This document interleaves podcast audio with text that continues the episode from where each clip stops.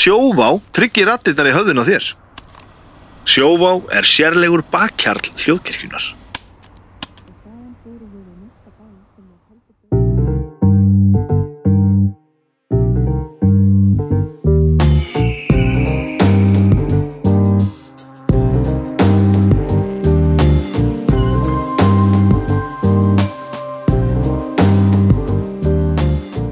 Komið í sæl og verið velkomin í bestu plötuna.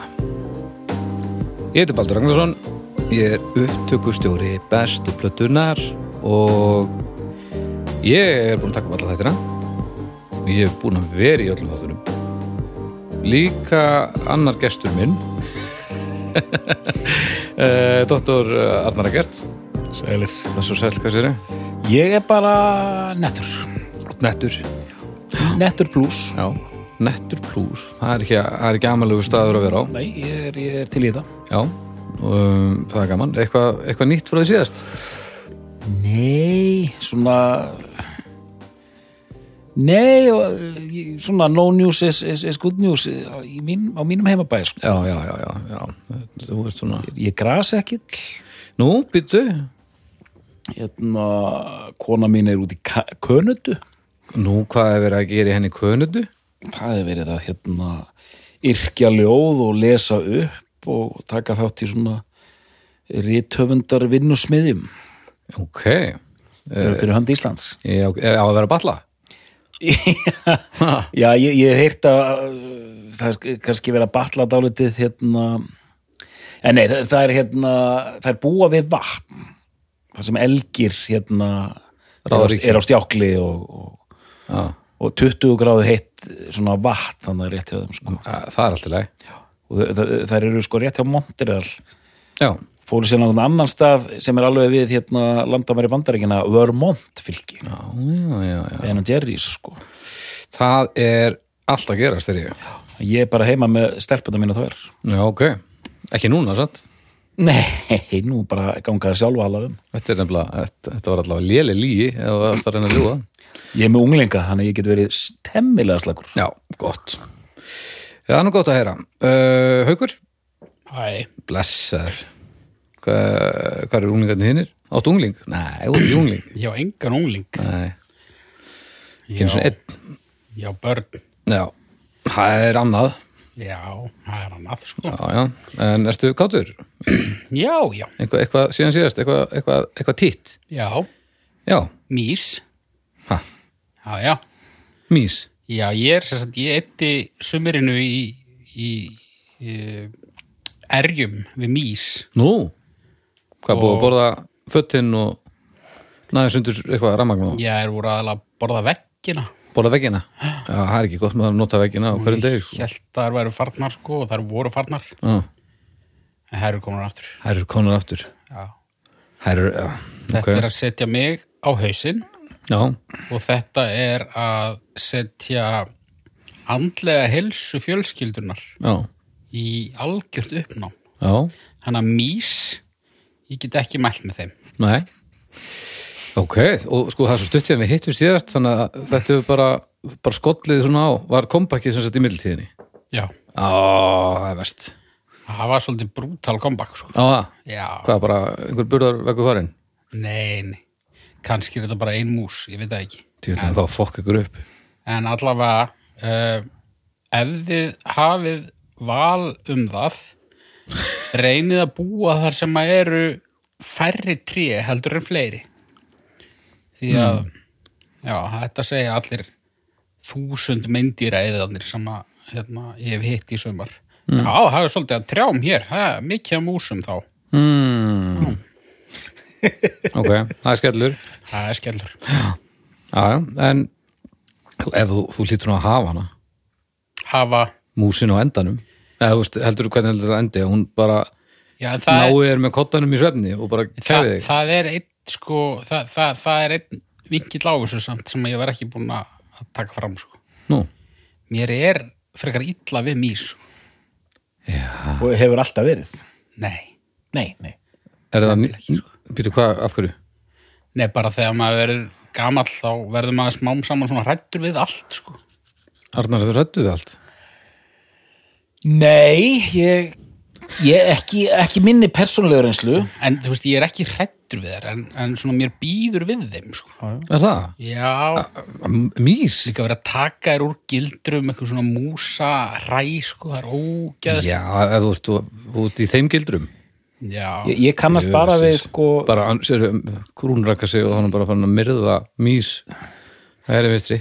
Ég var, ég var alltaf sjúklar hættur við játsmiði Já, emitt akkur ég að hlæja? Eh, skítrættu við mís ég veit ekki alveg með ykkur. Um, Ég veit ekki, já, já. Síðan ég hef ekki rekist á þá lengi en síðan var ég svona svipað hrættur við köngulær og það minkar Já, ég var líka alltaf mjög hrættur við hérna hrossaflugur. Já en það eru náttúrulega eru líka ekstra ógislegar já, já, en það er eiginlega fljúandi kungulegar en síðan Já. verða þær vinum hans. Já, og ég líka, ég bara, ég bara, á sko. Já, ég bara gafst upp ég nefndi ekki lengur að hrættur við hrossaflugur. það eru stórkostlar, það eru bara beljur beljur skortir kissin sko. En sko, en mér svo, mér, og ég er líka farin að finna, já, ég kenni brjóstu um hrossaflugur af því að bara, þú veist, þær segja bara, heyrðu guð, akkur lest mig hafa svona fáránlega lappir, sko, bara fáránlegt, sko. Já, ég meina ef þú pældi því að vera hrossaflug og þú stígur í sultu eða eitthvað, það er bara skuldbytting bara í einhverja daga sérlega, og, þá- og, og hvað það lengi, örgulega ekki marga daga? Nei, þetta er bara fókt, sko. Já, þetta er verðsinn, en það er, ja, jú, einhverja daga hlýtur að vera, þeir fara nú í gegnum þarna eitthvað, nokkur er þetta ekki þrí, þrískipt eitthvað, byrja sem í þessu formi og svo þurfa að leggjast í þetta form og svo verða þær flugur og það er styrst eða eitthvað það er bara svona eins og að tala um eitthvað Pokémona En, en svo ég takk und, en, Rossaflug er basically ömurðu Pokémon en sen er he- heyra eins og, eins og, eins og kona mín er, er núna orðið rosalega loftrætt. Hún var ekki loftrætt og núna er loftrætt. bara að því hún fyrir til Kanada Ég, ég fann alltaf það. Já, það er náttúrulega alveg, alveg, fjöldlar sko um, Hérna við verðum nú að fara að byrja á þarna þátt held ég áður en við, já. Liam Gallagher hann er mjög hrættu við mís er hann? já, Ok, laf ég er mjög ánæður með að þú hefur valið þennan mann til þess að miða þig við til þess að ná fólkinu eftir með þér á, á þitt band. Já, já, og þú veist, haugur og mér er svona venjulegan ótta en ég er, ég er að alla í, sko. Mís eru, mér finnst mís að ekki þetta er svo bara svona rosalega afmark En mís er ekki venjulegur ótti nema ef þú ert fíll, fíll í teiknumynd, þá er það eðlugur ótti, annars er þetta bara pínu skviti. En játsmiður er svona Já, að- jú, það, ég vil ekki, ekki ég ætla svo mikið að segja að það sé ekki skrítið en Já, það, það, þú ert að meina haugur, sko, að ma- ég er ekki almennt hrættur við skordýr, en það, það, einmitt, þetta er mjög fókuseraður ótti, sko. já, mér veist játsmiðir ekki, veist, mís eru miklu krútleir heldur en játsmiðir en játsmiðir eru ekki, ekkit stórkostlega ógn þessa dagana. Og hafa haldið aldrei verið þetta er svona, já ég borða ekki sigur nema vínartertu. Svona alveg random. Herri, það er Já. hérna verkefni sem það er að leysa þetta. Já, já. og við erum ekki að fara að leysa neitt af þessum málum heyrðis mér, þetta er, þetta, við þurfum að fara á dýftina þarna. Ef við e, og þið kannski aðalega ætlum nú að tala um tónlist. Já. og í þetta skipti ætla að tala um bestu blötu Beastie Boys. Beastie Boys, það er ekkert annað skeppnu The- pilda já, The Beastie Boys. það er bara svoleiðis Já, uh, hver valdi blötu? það var ég. Það varst þú um, Hvernig vil ég gera þetta?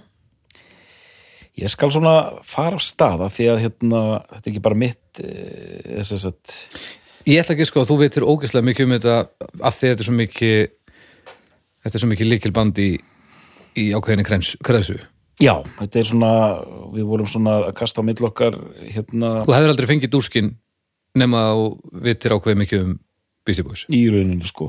Hérna, það er svo pressa. Sen er þetta, ég ætla, ég ætla, hérna, þetta er uppáhalds hljónsætti mín. Ha? þetta er uppáhalds hljónsætti mín. Er þetta upp á sljónsettin þín? já, Beastie Boys. Uppáhald? já, Númer eitt bara? bara nummer eitt bara meira, mei, Er þetta besta hljónsettin já, þín? ég bara, já, ég bara, þetta er svo hljónsætt sem ég elska líklega bara mest af öllu sko Ok, akkur hefur liðið svona langur tími þá akkurat já, ég veit ekki kannski einmitt er maður svona eitthvað feiminn, þú eru ekki alveg að fara að stað uh, þetta er líka ekki ég er ekki með sko en það þýr ég er ekki með eitthvað svona encyclopedic þekking á bandinu heldur sko. Þó þetta sé Þetta er já. bara svona algjört hjartaband upp á bara hvernig þeir eru hvernig þeir haga sér, eitthvað svona töff cool leiki og voru þetta að fljúa þegar ég var 16, 17, 18 sko. Mm. og þe- þetta er bara þeir eru bara flottastir finnst mér.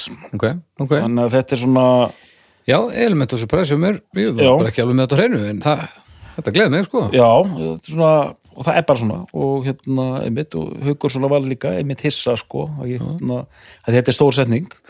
En það bara, ég, ég elska þetta band, sko. Ok, ok, bara. Ok þá. Um, þannig að á, á ég tölt á stað Já, en, en kannski fá hérna, aðkomu haug samt svona Mm. í samhengi. Við, við erum með uppáhaldsband annars. Og hvað eru þeir fyrir þér?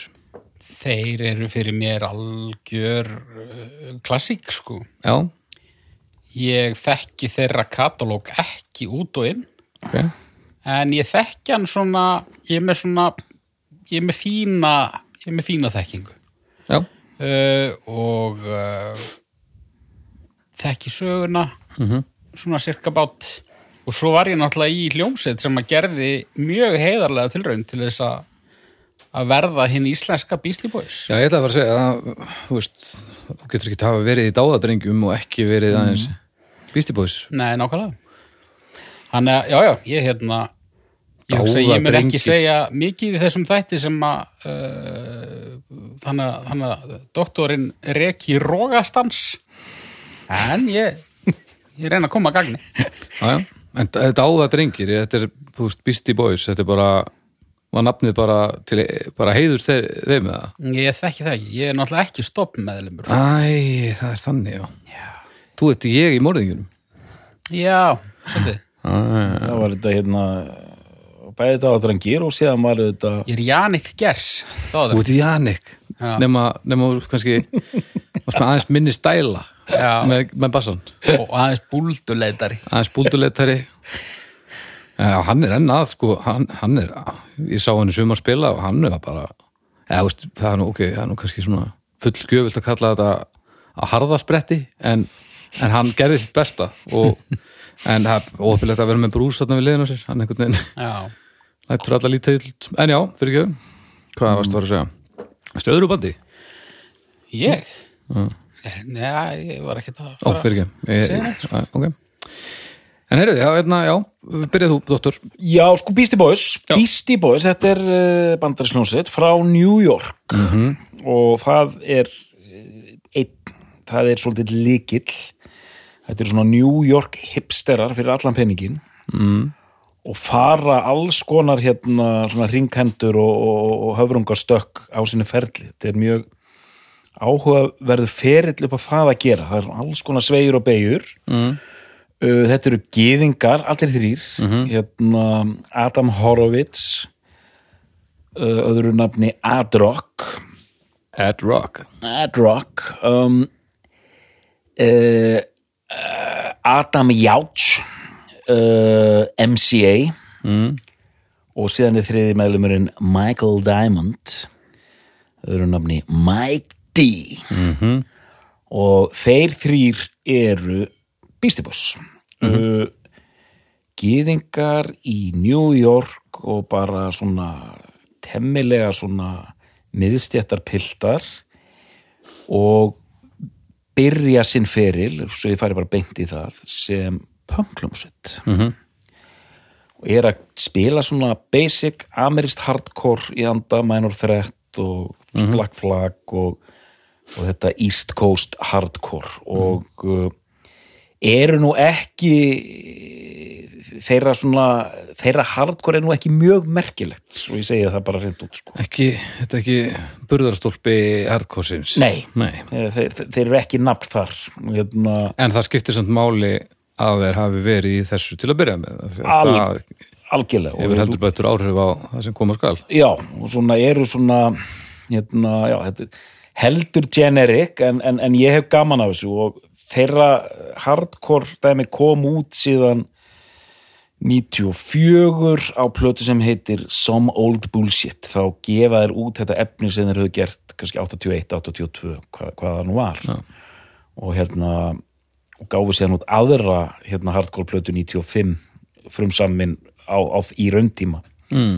en það er saga hérna, að þeir eru þarna 81, 82 hérna punkarar, MCA er á bassanum. Uh, það er svona smá mannabreitingar hérna í upphafi. Uh, Adrock kemur seinastur inn og hann tekur gítarinn. Og Mike D svona flist yfir á trommur, hann hefði verið söngvarinn sko. Okay. og hérna það var sagt, stelpa með þeim í bandinu lengi vel, þau voru fjögur. Já, alveg og rétt eins, og, eins og sannur kallmaður þá þetta mann ég ekki hvað hún heitir akkurat í, augnablikinu og skammast mín mikið.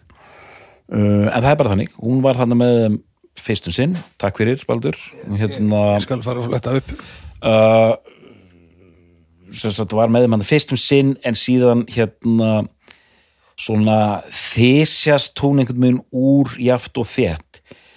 Uh, og það er í rauninni fyrir tilstilli þess að þeir verða svo miklir aðdáðandur tónlistaforms sem sannlega reyður röftum í New York á þessum árum mm. hiphopið þeir hérna verða miklir, hérna verða alveg sjúkir í hiphop Kate Schellenbach Einmitt. Er það ekki? og hún, hvað? Er já?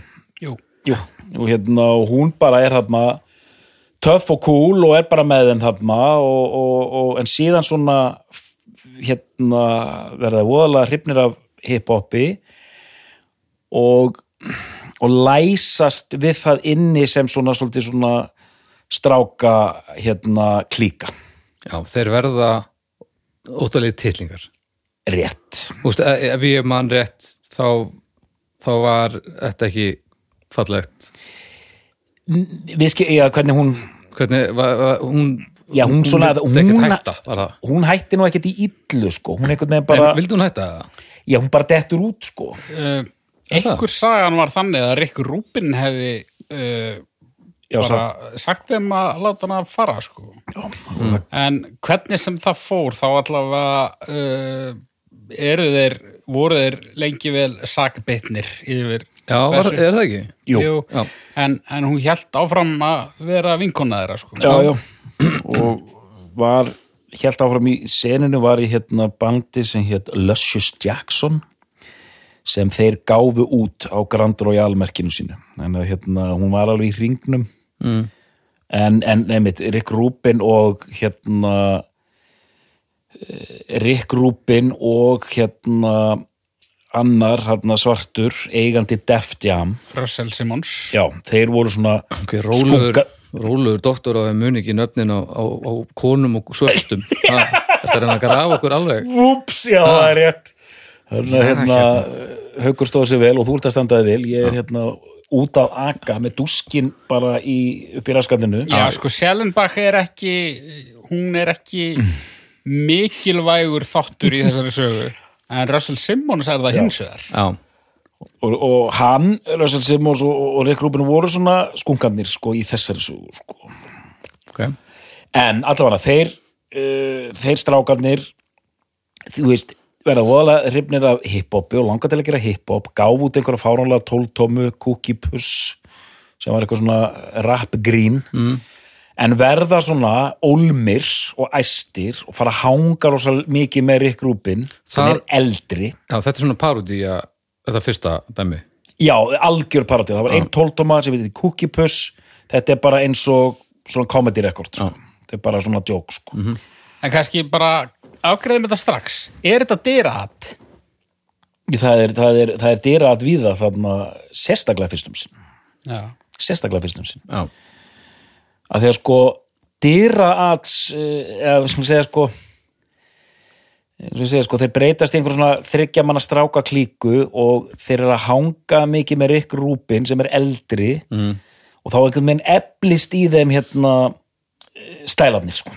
Já, já er, svona, er þetta stælar og, og gáski? Eru náttúrulega ungir. Já, ungir, stælar og gáski og, og bara æsingur. Já, að því að Rick Rubin kemur með kynni við Run DMC sem voru þá orðnir hérna, Já, stórstjörnur. Og ég var að horfa þarna það er hérna Beastie Boy hérna Beastie Boy Story hérna, ekki heimildamind heldur svona einhvers konar uppistand þar sem uh, Adrock og Mike D er að segja sögu Beastie Boys ok, og þá sér maður svona ljósmyndir frá þessum ferli og þá eru þeir bara alltaf eins og einhver svona stráklingar sem fá að vera með sko. já, það er svona einhvern veginn uppsetningin sko. og hérna uh, en allavegna þeir koma hann inn þrýr hvítir gaurar og ætla aldeilis að búa til hérna hip-hop. Og er eins og fleiri sem eru hérna, þú veist, hérna Madonna sem er, er, að, er að búa til einhvers konar svona já, nýti sér þetta New York underground hip-hop og, og elektro og allt þetta sem er í gangi þarna sko. og, og, og eh, þeir sem sagt fara að hanga, hanga þarna með grúpin, skiptum gýr bara nú erum við rappljónsett og kemur síðan fyrsta platan út á Def Jam Licensed to Ill kemur út 86 og að því að við duttum nýr á þess að dyrats líkingu í síðasta eða þar síðasta þætti í bóði Baldurs, þau vorum að tala um já, í stranglest þættinum, þau vorum að tala um matnes og skriðijökla og svona. Þetta hérna hljómsveit, dyrats hljómsveitir eru svona mikil gáski og fýblagangur að Beastie Boys er í rauninni skriðjöklar bandaríkja. já, Já. er það ekki, líkur það ekki bennustið? ég held að sé alveg hægt að, alveg hægt að hérna, leiða því líkur á þessu tímabili sérstaklega sko. Mm -hmm.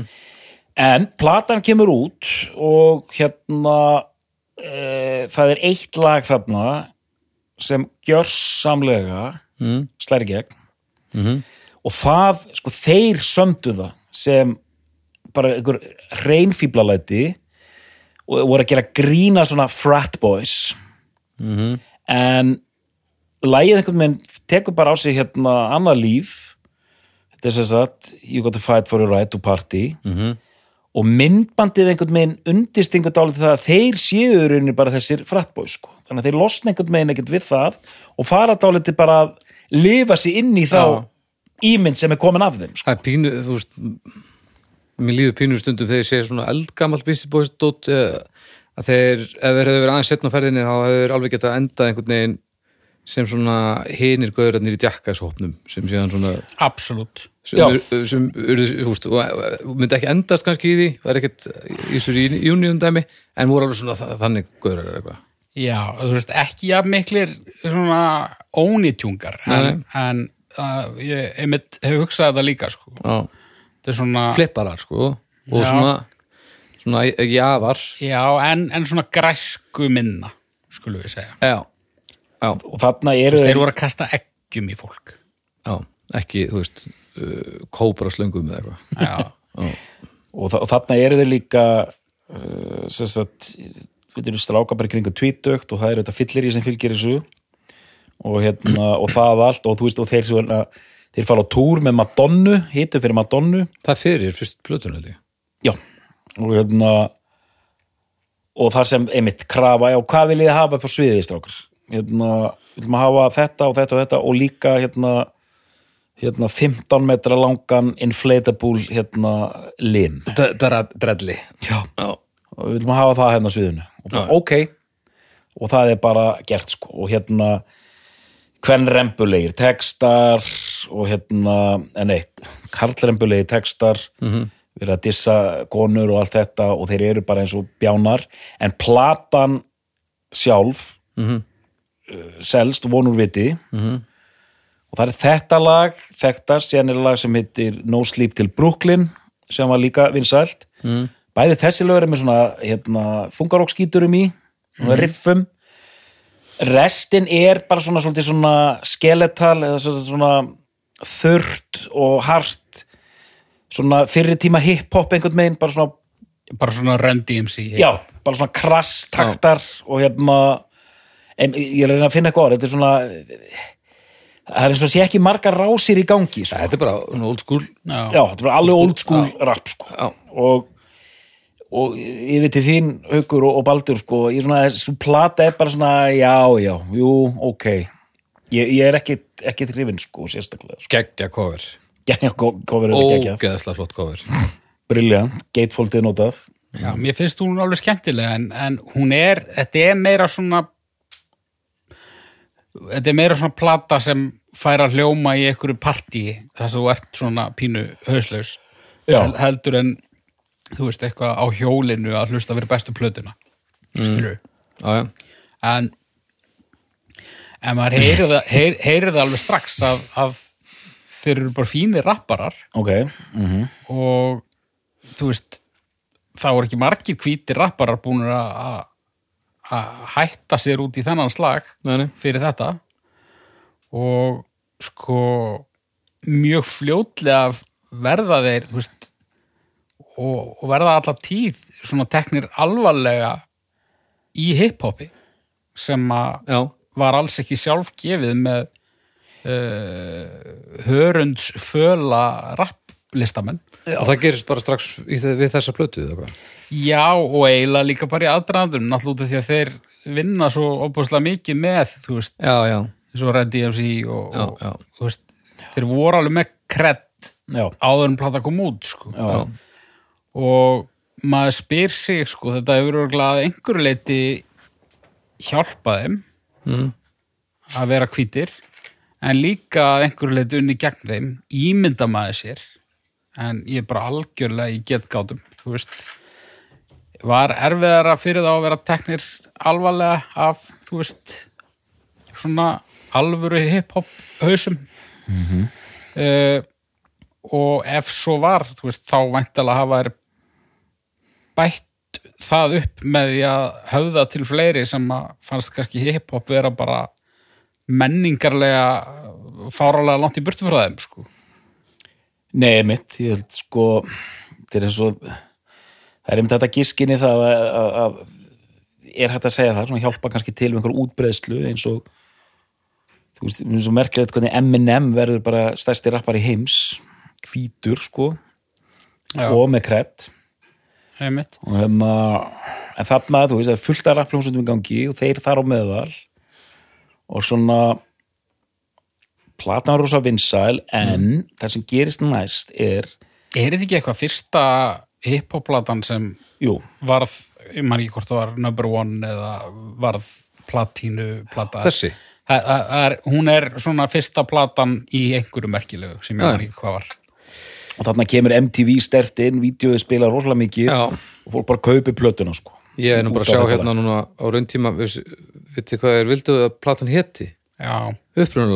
já, aftur? Don't be a faggot. Mhm. það átti að opna þannig. Í Columbia Records neittu já, já, að þetta þetta var homofóbía Já. og þetta gerðu ekki og töluðu við Russell og, og þessu og, og þeir voru láttir breyta þessu. Já. Og þeir hafa beðist afsökunar á þessu núna síðar. Þetta hefði uh, verið eða þófupilegt þeir voru, þeir voru alltaf vitlausir líka sko. Já, Hérna, já, En ég held líka sko, þú veist, ef maður les viðtöl við þá og svona, ég veit ekki hvort þeir eru bara að kasta rúpin svona mikið undir rútuna sko eins og með Sjælænbach og, og með þetta, þú veist, þeir segja til dæmis að, að þetta hefur verið hugmynd frá Rikkur Rúpin, nafnið? Já, sem að það er ekkit erfitt að trúa því. Rikkur Rúpin er algjör rugguhestur sko, en þú veist, ég, ég veit það ekki. Nei, nei, og hérna, og síðan svo finnst, eins og Adrock giftist síðan hérna Kathleen Hanna sem er bara eitt flottasti svona feminista punkar allra tíma hérna aðalmanneskinni Bikini Kill Mm. þannig að hérna áhugavert svona ferðalagi sem menn fara og, og MCA verður svona bútisti og allt þetta sko Já.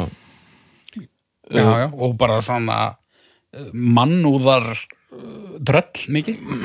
Já, það má, það má klálega lagast, þú veist, það má, Já, það má einmitt. skipta um skoðun og það má, má- það má má, sjá, það má sjá eftir því að hafa gert eitthvað og svona, það má þróskast það er málega En þeir sem sagt, nú gerist það eftir þessa plötu að þeir verða pínu ringlaðir og, og svona af, af huga og, og, og svona en, en skárið er hérna disillusionized, verða svona bara aftengdir, aftengdir, já, aftengdir þessu öllu og bara svona, það verður heldur stort já, stórt og, og óvissir og fyrsti maður til að stíga út er MCA og hérna og þeir flytja til Los Angeles.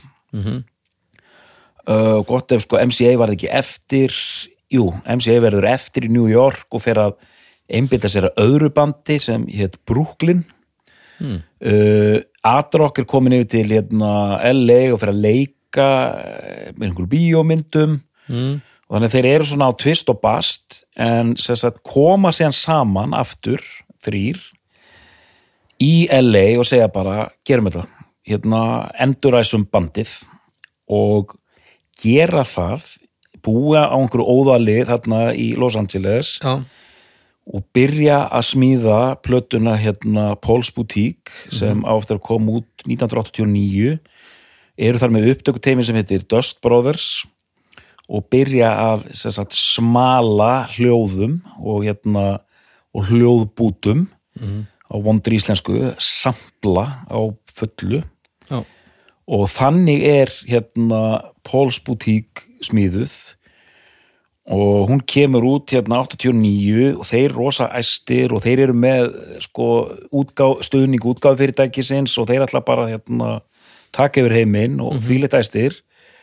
Og platan bara sekkur eins og tvekja tonna steitt sko. Bara, hún selst ekki sko. Hún selst ekki? Nei, gerist ekkert sko. Hún selst ekki? Nei, það er bara, hún bara uh, fellur flatt og hérna og svona hérna einhvern veginn já, en, Já, en hún uh, þess, nú veit það flestir þeir sem eru að hlusta og það eru ansi margir sem kannski þekkja svolítið umtaband, en nú er þetta ein af þeir eru af stærstu plötum. Já, eða þú veist, þetta er náttúrulega bara æfintilegt dót. Þetta er þeirra pinkartól. Þetta er, já, Er það ekki? og uh, jú, þetta er, þetta er, þetta er svo Beastie Boys plata sem er mest rætt utan bandsins sem svona hip-hop hornsteinn. Já. Og e- ástæðan fyrir þetta floppar er, er það að þetta er um langt á undan sinni samtíð? Jú, og hún er bara þetta er alveg ótrúlegur sko svona er þetta markaðsklúður eða er þetta að því að hún er Þeir, seg, alveg, eða? þeir segja það að, að þetta hafi þú veist, þeir hafi verið ónaði með hvernig leibelið promótaði hana og, og, og svo leiði sko en, ok, en það segja það náttúrulega eiginlega allir listamenn sem að já, floppara sko. Já, en ég veit ekki alveg nákvæmlega hvað klikkaði sko en, en þetta er svona einmitt plata sem algjörlega þú veist ég veit ekki hvað maður hefur lesið margar lofræður um hana í, í setni tíð sem Já, bara eitthvað eins og doktori segir hip-hop hornsteinn. Mhm og, og þess vegna kom það mér óvart út því ég, þú veist ég vissi þetta til dæmis ekki að, að hún hefði verið floppari Nei. já, hún svona einhvern veginn bara Platan á undan fór í fyrsta sæti á Já. 200 Já, hún fer hæst á, í hvað, 14. og þó það og þú veist, ég, ég er að spá eins og með þessa að, hérna þú veist, árið 1989 þú veist, undan sinni samtíð sko, það var þetta önnur hljónsett, Dulla Soul sem gaf út plötu hérna held ég bara sama ár hérna Three Feet High and Rising. Það var mjög vinsælt. Uh, veit ekki uh, hún, þetta er svona plata sem síðan eftir á fekk einmitt allar þessar lofræður sko. Oftast nefnd sem besta plata Beastie Boys. Og, uh, og þetta er þegar maður hlustar á hana þetta er algjör svona það er svo mikið stuð það er svo mikið ástriða það er bara allt í gangi það er rosa gott flæði þeirra á milli mm. geðveikt hugmyndaflug og hún einhvern veginn mér finnst hún rúlla svo rosalega sko. hún bara svona, maður næri alltaf andanum þegar maður hlustar á hana sko. Er ekki Public Enemy hérna platan stóra 89 líka Jú, 88 kemur þarna It Takes a Nation of Millions to Hold Us Back Já, sem var önnur plata Public Enemy hvað er þriða platan? Þriða platan var Fear of a Black Planet. Er hún ekki 89? Nei, hún kom út 90 Hún er 90 okay. já, já, en, en sko eitt við þessa blödu samt sem að skýrir þetta mögulega einhverjum hluta er það, það, þú veist, það er ekki slagari á henni. Nei, Nei, einmitt. Nákvæmlega. Það er ekki hérna engin- right. Nei, nei, skilji. Ég er hérna hlustendu góður, ég er að veifa vínilplötum hérna, ég á frá, ég, ég áreind ekki læsast og illa á vínil, en ég á Póls Boutique og fram að og með Hello Nasty. Við erum bara hérna handfjallað þetta hérna. Okay. en allan á, þeir eru þetta þetta er súrt í broti. Já, þetta er súrt í broti og hérna og þú veist, þeir eru með þarna er að gefa út hjá Capitol og hérna eh, sem svona einmitt, þeir fengu eins og í þessa daga mikið svona hérna, útgáfu merkis stuðningur en, en, en, en, en þeir svona þurfa að fara að sleikja sárin sko mm. en hvað finnst þér um plötuna? mjög sem geðvik, Ok, stórkostleg bara algerlega bara frábær plata hérna eins og ég var að segja svona rosa mikill spirit á henni finnst mér en þú velur hana ekki ég vel hann ekki, nei. Nei. Þannig að það, það þarf nú eitthvað rosalegt að koma til til, a, til að velta hennus þessi sko. ok. Já, en hún er hún er heldur snemma á ferðinni með svona úst, svona marg, hvað var maður að segja? Það er, þú veist, þetta er svo mörg sömpl. Já, já, þetta er sömpl, ón og sömpl, ón og sömpl þetta er ekki þetta er ekki svona þessi kapli tekin og svo smíða lag heldur þetta er, þetta er alveg löðrandi í hún, sömplvinnu ég, sko. ég held að ég sé ekki að fara með fleipur að hún er öll þú veist, mm allir taktar og bara öll hljóð fyrir þetta rattirnar þeirra. Það er allt saman bara ég annað held það, ég spilaði eitthvað á hljóðfæra á henni, ég held ekki. Ef það er þá er það bara mjög óverulegt sko. uh, eitt þrýrningur kannski inn til að personnel, það er bara Beastie Boys Production, svo er bara engineerar turntable production, ensemble, fotografi Dust Brothers voru svona Já. vísindamennir Já. svona, sko. akkurat en mér finnst sko uh, áður en við yfirgefum þessa Já. plötu mér finnst hún uh, sérstaklega ef maður ber hana saman nei, ég ætla ekki bara að bera hana saman við fyrstu plötunum, ég ætla í raunin að bera hana saman við bara allar plötunar Mhm. mér finnst hún uh, eldast eða þú veist, mér finnst hún tímalausust. Já. já, tímalausust er kannski ekki góð íslenska en, tímalausust? Já, það, það er eitthvað sem þarf skiptum í bílum hans já, en þú veist eins það er það og, sem gerist með reymina já. eins og fyrsta platan hún er náttúrulega bara svona 80s Run DMC hljómurinn bara. Já, já. og bara mjög skemmtileg. Svo koma 90s blöðunar og þær eru margar þær eru svo 90s Já, já. þó er séu góðar en þessi, þú veist, jú, jú maður heyrir ekki svona hip-hop í dag en kannski einmitt út að þetta eru allt sömpl og þetta eru mjög mikið bara svona funk og sól samfélskilur sem kannski hjálpar til að gera þetta svolítið tímalust Já, mér já. finnst hún svona sándið á henni, mér finnst hún eldast alveg ofbúðslega vel en sömplin eru allstaðar að sko já, já. Bítlarnir og. Isaac Hayes og James Brown og John Williams og Ramones og Eagles og Já. The Band og John Williams þú veist, alltaf bara, bara Joss þemað, þú veist það er ekkert Og hún rúlar það bara einmitt cool in the gang og, og bara sko Jaws þemað og Psycho þemað bara spiluð á sama tíma í sama leginu og hún, Þannig rú- og hún rúlar ótrúlega vel. Hún er sammálaður haukur sko, hún svona af því kannski að þetta er svo ömpl sko, hún er svo pott þetta eitthvað sko, það er svona það er bæði verið að gera eitthvað nýtt og skapa og vera hu- hugmyndafrjór en einhvern veginn þetta er ná- nánast eins og eitt lag sko, hvað renslið er fumlöst sko.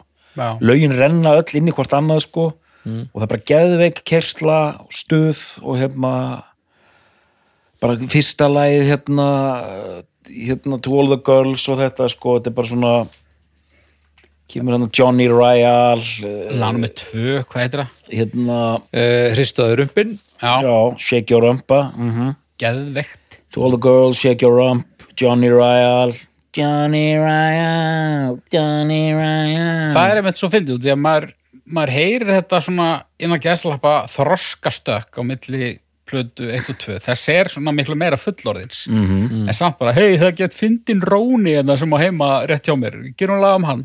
Bara, já, Já. já, það Ah. flugur í kringum hann og eitthvað, þetta er einmitt líki í gangi sko. Humpty Dumpty was a big fat egg og allt þetta. Og líka gaman líka að spá í þessum röddum sko.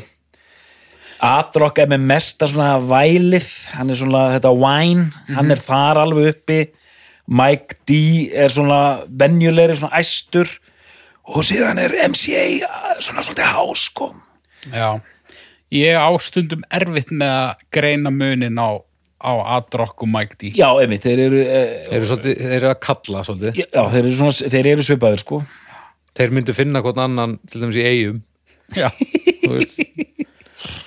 En bara svo að það sé sagt mér finnst uh, Póls Boutique skemmtilegust ég er ekki alveg ég er ekki alveg búin að gera upp hugminn Holy moly. Sko. En hérna, Og þetta er svo lífrætt hjá okkur. Já, e, þú veist ef ég ætti að fara bara út frá skemmtanagildi sem að ég mögulega geri Já, þá er þetta mín plata sko. ok. En, hérna, en já, þeir sem sagt þurfa að sleika sárin Já. og hérna gefast ekki upp og þá kemur bara þessi hugmynd.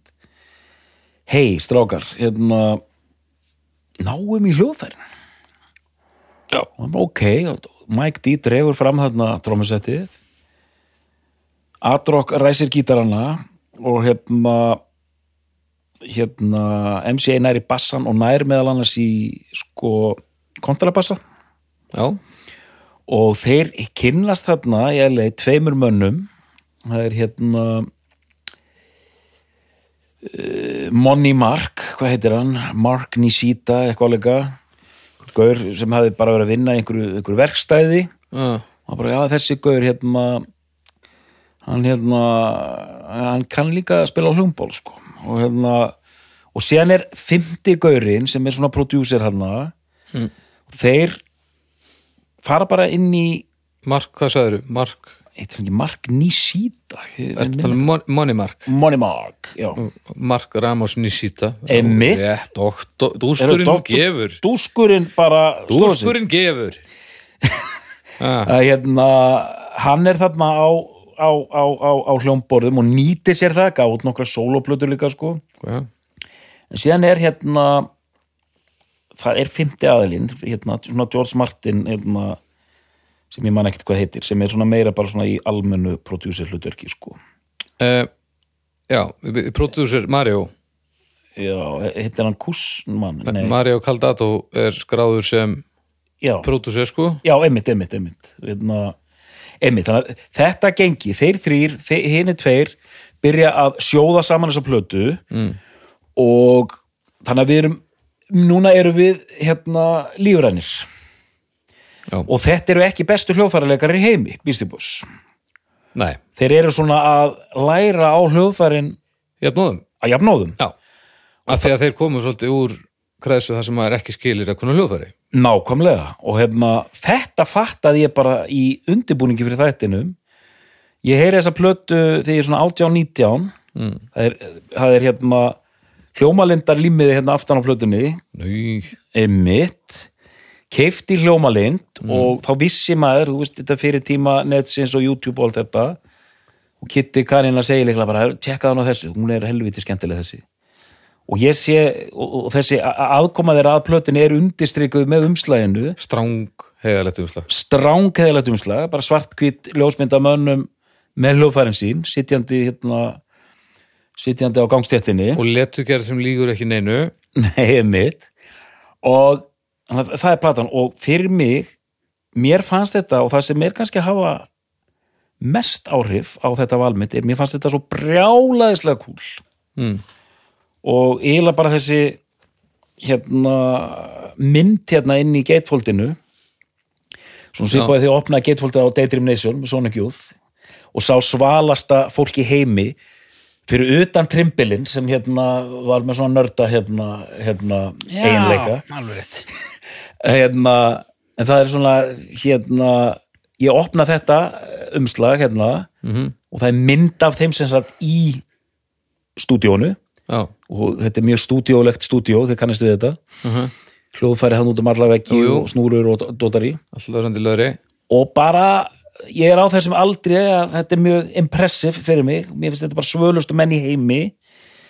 Byrja síðan að hlusta og þessi plata fór ekki af fóninum allt sumarið á eftir árið 1993 þar sem ég, Danni Maus Palli Maus og Einar Sonic mm. hittumst allar helgar og það var bara Jimmy James og áfram sko. Þetta var eina sem við hlustuðum á sko. Þannig að hún situr í mér eh, það sem við höfum oft talað um í þessum þáttum hérna það er einhver tilfinningarök þannig Þetta er valið þetta er valið, þetta er besta plata Beastie Boys að mínum átti Já, og ekkert þannig séð að það koma óvart val. Hún, hún er nefnd oft Hún er- sko. er, hún er nú ekki oft nefnd sem besta. Er það? það ekki- kann jafnvel bara ekki En það er nú kannski bara af því að Póls er bara ja, hún, mér, mér líður eins og hún sé bara platar sem eiginlega allir Já, ég veit ekki, en sko ég er ég er svolítið með þér samt sko bara, mér finnst hún ekki af skemmtilega, en mér finnst þetta svo djart og frumlegt og bara töff múf, bara hvað, nú erum við búin að ræða að rappa og sampla og eitthvað, hvað er að gera, já, heyrðu hljóðfæri, þú veist þetta er einhvern veginn ekki rökrétt ákvörðun að taka en hún er tekin og hún gengur upp. Og það er fullt af skemmtilegu lögum á þessar plöðu en útkomanu er einhvern veginn svona bílskúrs hip-hop slash rock og þarna heyrði ég í fyrsta skipti þeirra punkrætur, ég vissi ekki að þeir hefðu áður verið punkljónsitt það er nefnilega Time for Living sem er bara svona straight up minor threat lag en ólíkt líka hérna uh, Póls Boutique að þetta er sko, það er ekki það, það er alls konar stílar í gangi sko já, og productionið er mjög áhugavert. Þetta er einhvern veginn svona lo-fi production. Okay. það er mikið svona skítur og mikið svona hrátt einhvern veginn. En rosa bombastic sound um leið. Já, kom einhver svona lög með rosalega grottalögum gítar og svona trommurnar eru alveg bara ekkoð alveg að drepa sko. Og rosa svona hátt mixið sko. Og hérna en þú veist að koma hann að Jimmy James Funky Boss sem er eitthvað svona bara Funky Boss, Funky Boss, Funky Boss get off my back. Og síðan Pass the mic, þú veist þetta eru svona öskrandi rock, rapplög einhvern megin þú veist Kvarasi og, og þetta dótari sko. Já, já, en síðan koma svona lög eins og Lighten Up sem er bara svona róleg heita Bossa Nova einhver svona chill sko. Síðan koma svona mikil tilrauna lög bara minnir á Kan og Nói og þessar hljónsettir og svona hérna inst, svolítið mikið af instrumentulum sem eru bara í svona þú veist svona sjaft feeling svona 70s já. blaxploitation feeling sko. Já, þannig að þetta er algjör svona hræri grautur en bara svona ógeðslega skemmtileg plata finnst mér. Hún er tvöföld. Hún er tvöföld sko. Tvöföld. Tvöföld plata sko. Já, maður er alltaf að hlusta bara á einhverjum streymisveitum já, já, þetta er alveg 20, 20 kvikindi þarna. Nóa lögum og líka sem ég er að heyra í fyrsta skipti komandi úr þessu unglinga dyrkun sum lögin eru bara pínu ókláruð sko. Já, Þú veist, Já. léleg í einhverju skilningi. Okay. en einhvern veginn partur af hildamyndinni hér er nú eitt lag sem að maður hendi stundum í æfingahúsnaðin í gamla daga. Nú, Gratitude. Mm en býtum hún kemur út 92 já. Já, þið sjáu þið hérna 92 og við byrjum að hlusta á hana sumari 93 hérna við strákanir sko. já en ég meina, þú veist, er, hún er þá ekki hugsuð sem tvöföld plata, heldur er hún bara langur geisladiskur eða hvað Já, já, þetta, hún kemst fyrir á einu, einu disk sko. og svo bara uh, þessu, þú veist, það, ég held að það það er enga pælingar með hliðar eða eitthvað svoleiðis þetta er bara, Þetta eru 20 lög þannig að hérna ég held að sko. streymisveitan sé alveg að færa hann eins og hún var- hafi verið hugsuð, sko. Og svona þú veist líka hrá en ég tek það er fallist þegar þú segir haukur að hérna, einmitt, þetta er svona að einhver leiti kannski djarfasta platan þeirra sko. 20 lög, 53 ára hálfmynda svona, að Það er- þarna eru mm, já, nokkuð gott. Það, þetta er áhætta sko.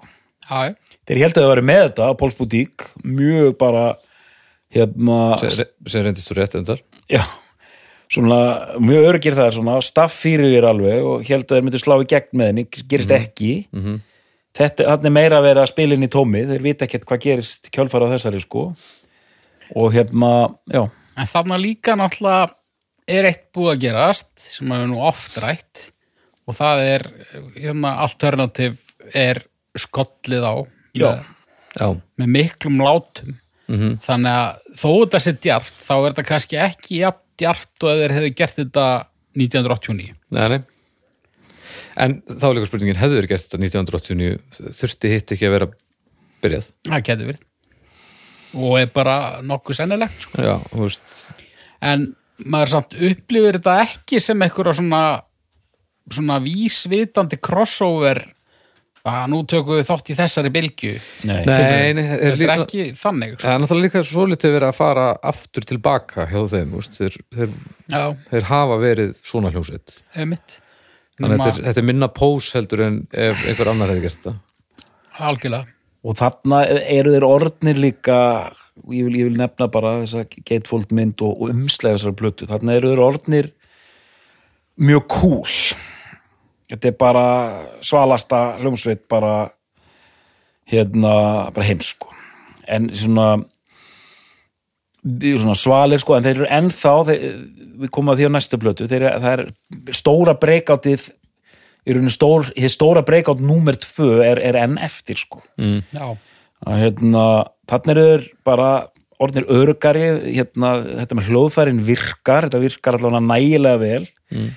Og í framhaldinu er bara hlaðið í aðra plötu sem er ekkert ósvipuð. Hún er bara er meira svona finesse hún er slípaðri, hún er bónaðri. Mm.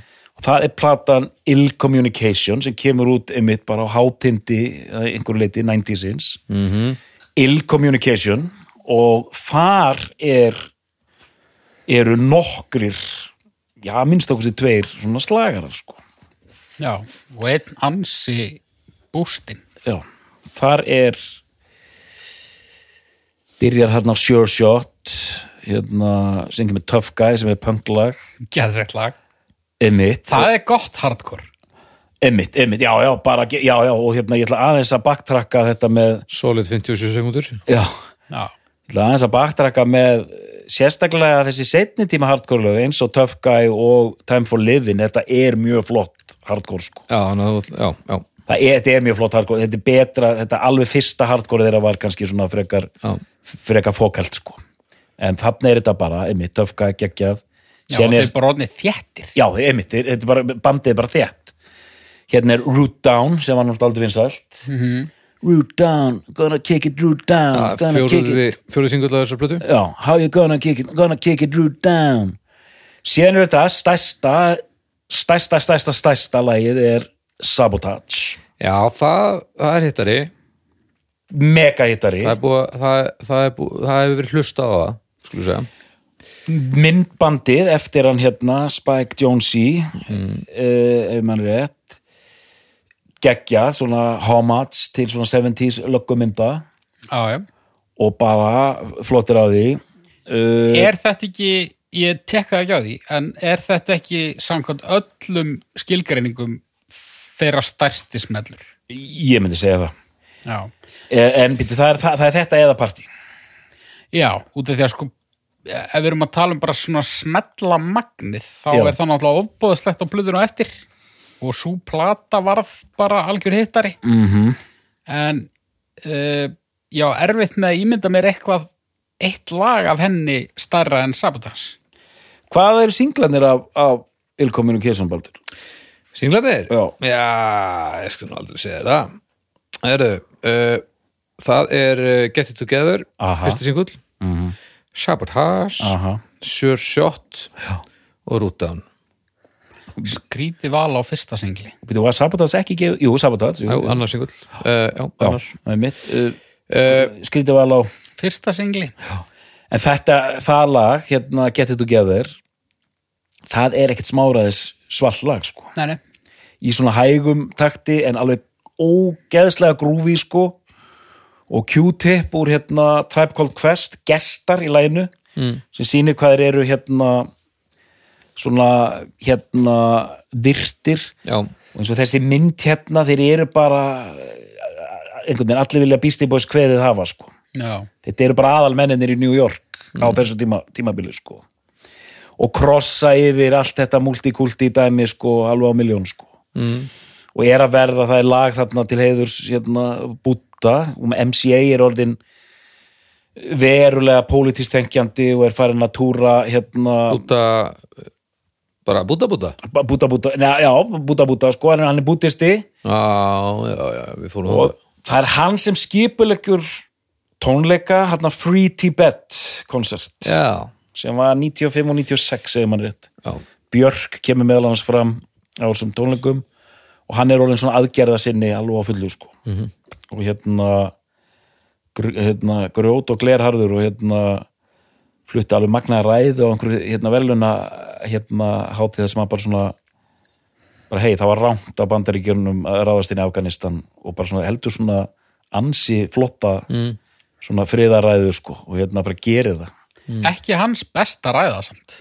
Nei, nei, nei, gottum við það Ég held ég veit hvað þetta var að segja Hérna, þegar, hann, þegar hann riðst inn á, inn á verðluna Já.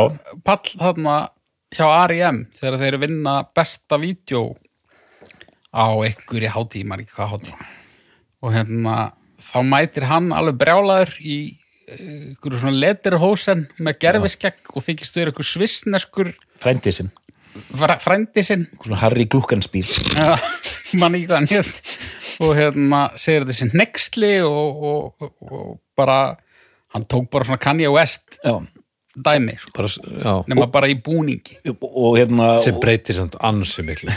Það gerir það sko. Og, og, og, og, og hann er geðið eitthvað rullan og hann fer hálfpartin að kjökra. Já, síðast það var átt virkilega vona að, að, að hann hefði myndi nú vinna sko. Frend, já, og svo er, er hann bara fjarlægur já og Michael Stipe stendur þetta bara eins og ílagera hlutur mm. Harry Glukkenspíl hérna átti, hann heitir eitthvað annað það er eitthvað í þessum anda sko eh, Hornblower eitthvað. Já, já, Hornblower já. Þannig að hérna en þarna e, í kjálfara þessari plötu og þessi plata fattiði, þegar ég var að fara í partíin hjá venjulega fólkinu þá fann maður, skilur það var Jeff Buckley diskur, það var uh, Radiohead The Bands Mhm. uh, Suede diskar Mhm. og þessi. Já, já, Já, þetta var svona þeirra mainstream ok.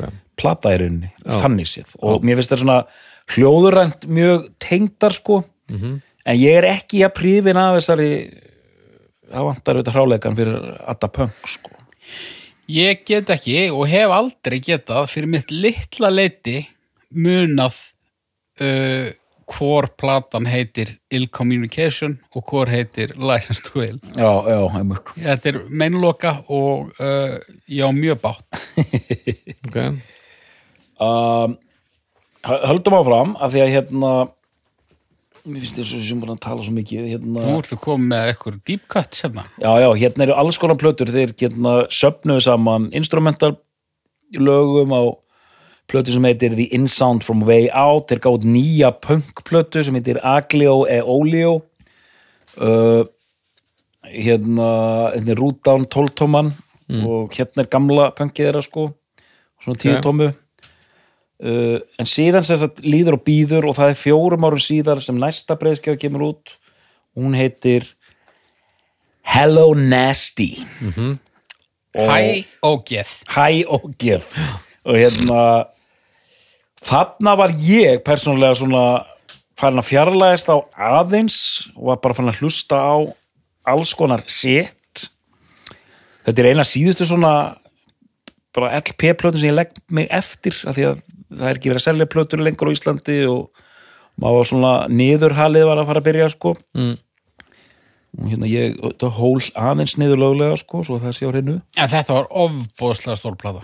já, Þetta er svona plata sem að var í öllum mentaskólapartíum. ok, þarna ég var ekki eins var við þetta og, og þú haugur nei þetta ég, þarna uh, verð ég Intergalactic Já. var svo ofbúðslega stúrst Intergalactic, Body Moving og hérna, eru fleiri þarna.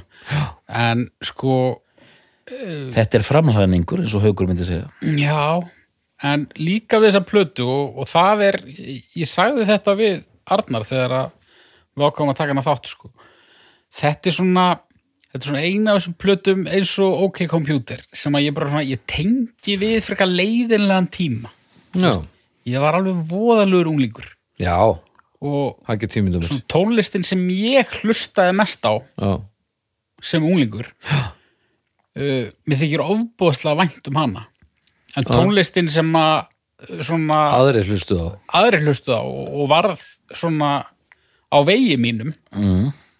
það er oft svona aðeins erfiðara fyrir mig að aftengja það einhverjum svona einhver, einhverju tilvistakreppu já, þú mætir inn í partí leiður og þessi platir í gangi. Nei, nei, þetta var alls ekki þannig að ég hafi alltaf verið leiður sko. það var bara svona, þú veist akkur varst alltaf leiður? erfitt að vera unglingur. Ég var í skóla sem ég langaði ekki að vera í. Ég stóð með hörmulega. Já, var skotin í stelpum sem að þú veist, voru ekki skotnar í mér þið, þið voruð væntalega báður unglingar? Jú, jú, við, jú, jú, við, við- við, köllum þetta angist. Ég vissi bara ekki að þú hefur verið svona ógeðslega stereotypiskur unglingur.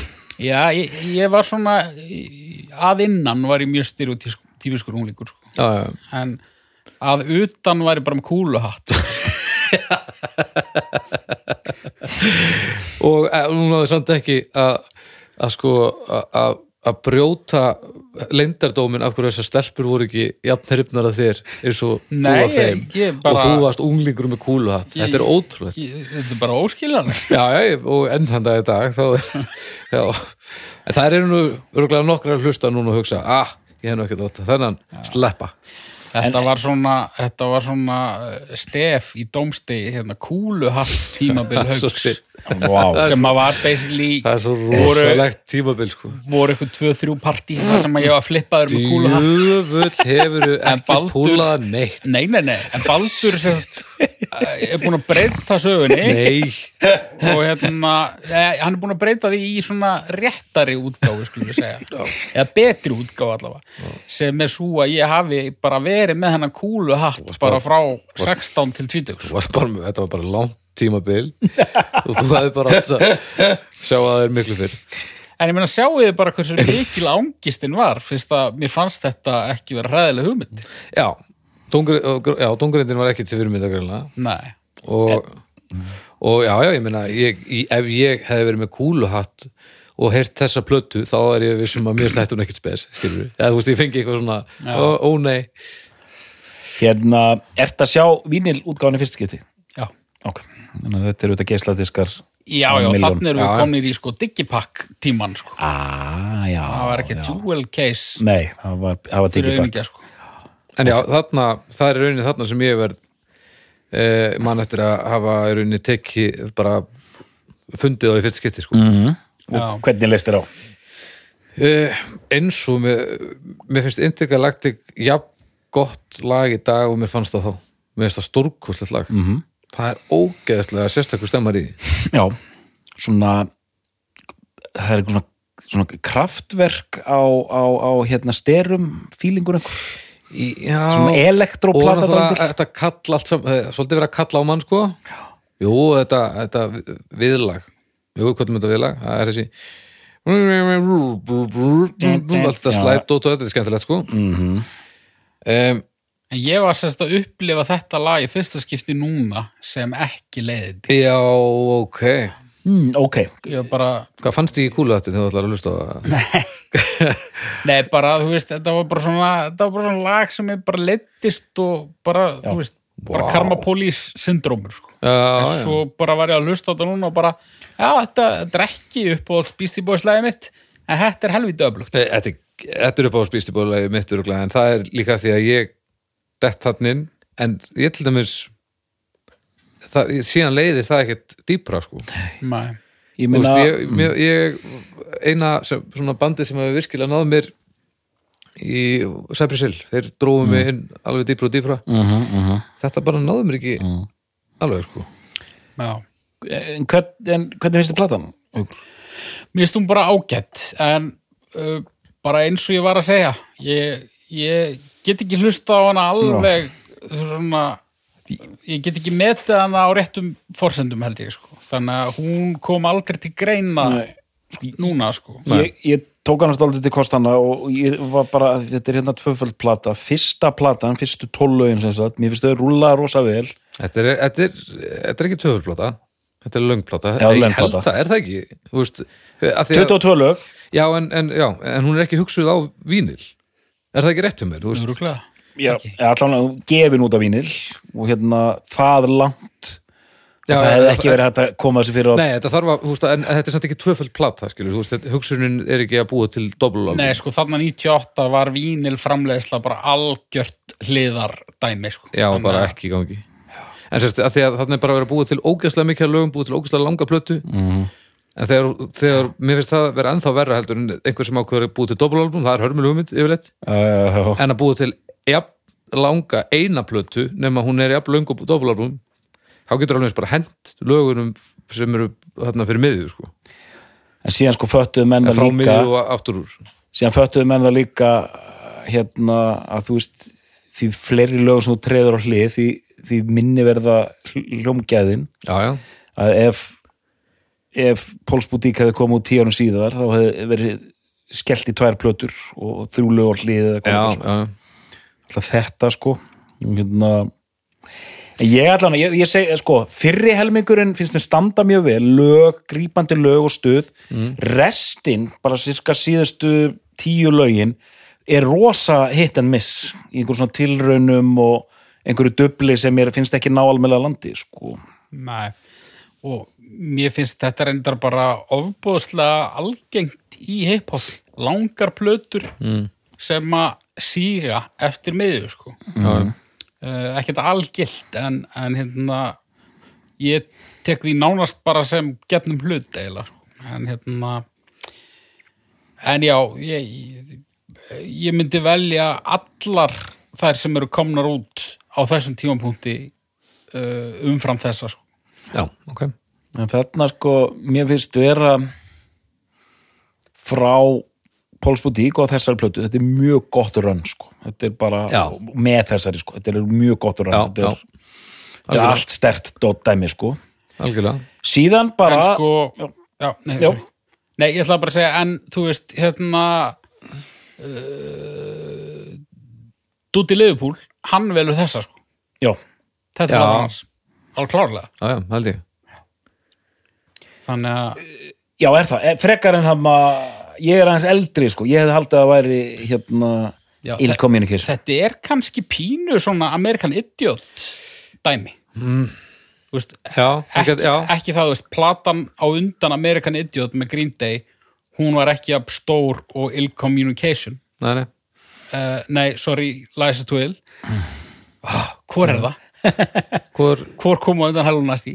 License to Ill já, nei, Nei, ill, það? Er já, það já, ég er handaður. Anskot License to ill er, það er líka prakkarle- prakkarlegri titill, sko. Ég hef leiði til að láta það líða illa. Já. Þannig, to get, ill. þannig er- Ill communication er Nei, annað, sko. nei, ég man þetta svona vegna þess að það, það eru það eru tjáskipti framan á ill communication hann heldur á einhverjum Já, svona einmitt. já, núna, Gaurinn. ég man þetta hérna í frá en hérna, já, nei, það sem ég ætla að segja bara, eh, þetta er pínu svona veist, ég ætla ekki að segja comeback plata, og platan á undan var vinsæl en, en það eiga sér stað eitthvað svona, svona kynnslóðaskipti Já, já, í aðdándahópnum Já, á algjörlega. Algjörlega, það, það er það sem ég er að tala um. Sko. Þið, þið eru hérna, þú ert átján og þú ert hérna, Já.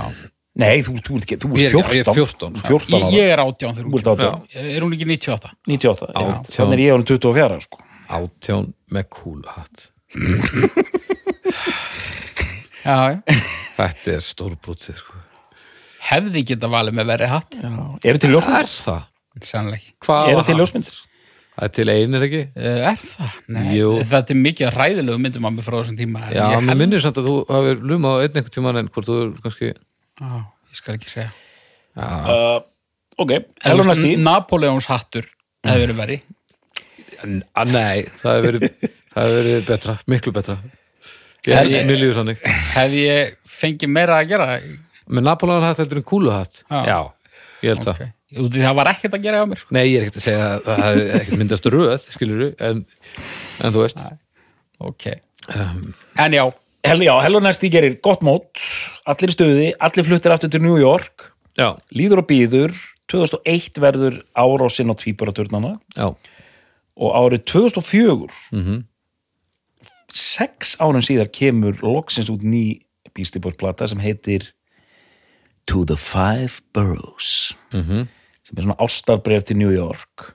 Og við þurfum alveg að tala um þessa haugur sko. Og hérna já, þarna kemur út plata með okkar allra bestu sem er ekkert sérstaklega góð Við vorum ekki miklum samskiptum í þessari yfirferð, Ok. allavega minna en ofta áður, sko. Ok. En við spjöllum aðeins um þessa plötu og, og upplifum hana held ég frekar svipa.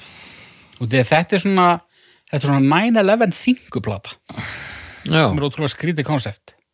Þeir, þeir einhvern veginn, þetta bara ferðum ofbúðslega illa þessi stemmari, sko. Og að mér finnst, sko, ef við tökum bara tónlistin á plötunni, mér finnst hún bara til fyrirmyndar, sko ok, ok. en þetta er bara ekki samfærandi þeir eru bara þeir eru svona ég veit ekki hvort væmni sé rétt orðið en svona þeir eru svona alvarlegri einhvern veginn og svona reyna að vera þetta er svona þegar kjána prikið að reyna að haga sér og já, og vera einlægt Já. og þeir nefnilega gerðu þeir eru í alls konar mannúðar dótaríi, standandi fyrir mótmælum, haldandi ræður og gerandi alls konar sem er allt flott.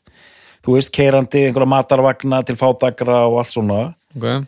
en það er alveg merkilegt hvað þetta virðist ekki ná landi inn í músíkina sko.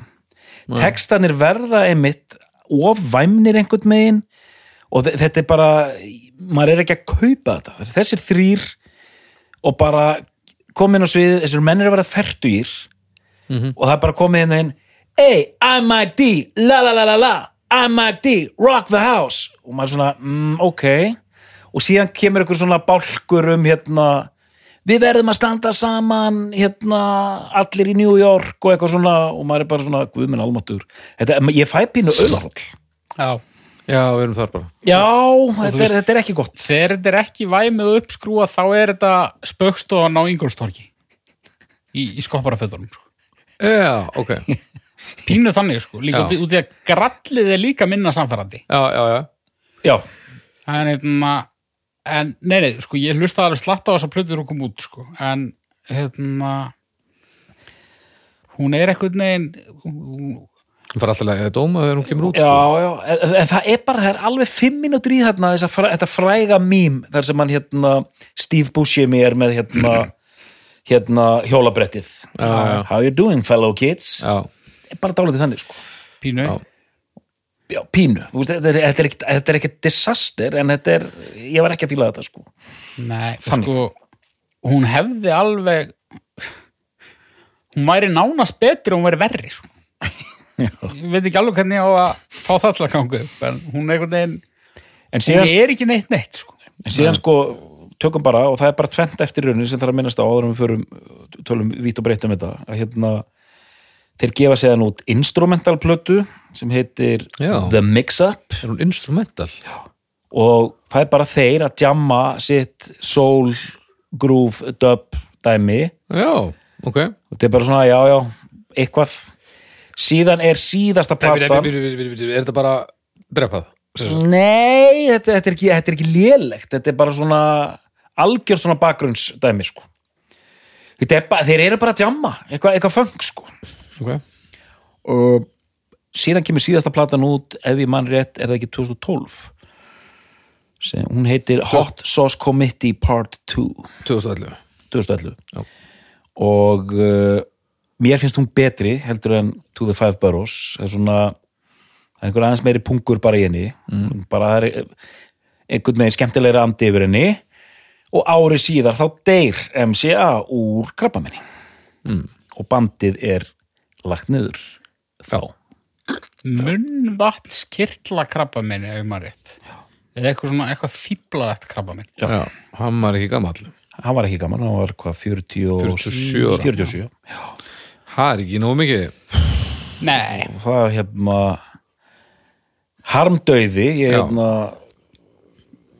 já, ég er svona já, ég var ekki ég, ég hefði nú farið að gráta meira núna, sko, því ég er alltaf að vera meirar og meirar, sko hérna, En, og það kemur aldrei upp að halda áfram. Þetta var bara, bara bæði við náttúrulega já, já, nei en þetta var bara búið. Bandið er búið, bara ég held, vantar ég held líka bara að þeir hefðu verið urðaðir ef þeir hefðu reynd eitthvað sko. Bandið er búið en brandið er ekki búið Nei. þeir svona halda áfram með allskinn sko, DJ mennsku Já. einhver, einhverju viðburðir Já, já, það er náttúrulega já, eins og þegar nú eftir að tala um bara sem áhrifa valdar í tónlist þá það er nóg bara til þess að dunda sér við það restina af æfinu sko.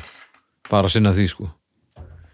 Já, já, þeir hafa alveg haft nóg að gera sko en, Já, bara var ekki vikunni sem þeir þurftu að mæta þegar að vera að skýra göttu eftir þeim og, og veist, það er allt bara það er brjálega að gera sko. Já, núna já, já, hérna Beastie Boys Kristi Square Bói Skver einhver staðar þetta er þetta fyrir framann þessi myndin á Póls Boutique var tekin sko. þannig að það er, þú veist, það er, það er ekki döðið dagar mikið sko.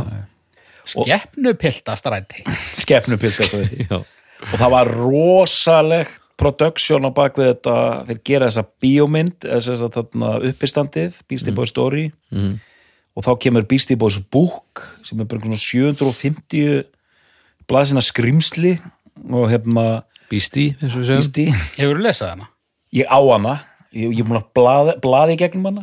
Já, hún kom út á hljóðbók þar sem ef það var verið að rifja upp veru þeirra í Englandi þá fengur Jarvis Kokker til að lesa það inn Já. alls konar svona Já, já, það var svona vandað sko, svona Ok. metnaður já, já. man að það var mikið húlumhæ einhvern veginn í kringum útgáfa hennar en ég, ég, hún hefur aldrei orðið á vegi mínum sko. Þannig að þetta er svona, mér við erum þetta allir í, í einhverju skilningu ánni gamlir. Mér finnst Beastie Boys vera svona going concern en ég menna kannski einhverju tvítur krakkar sem við ekki neitt um þetta. Ég veit það ekki.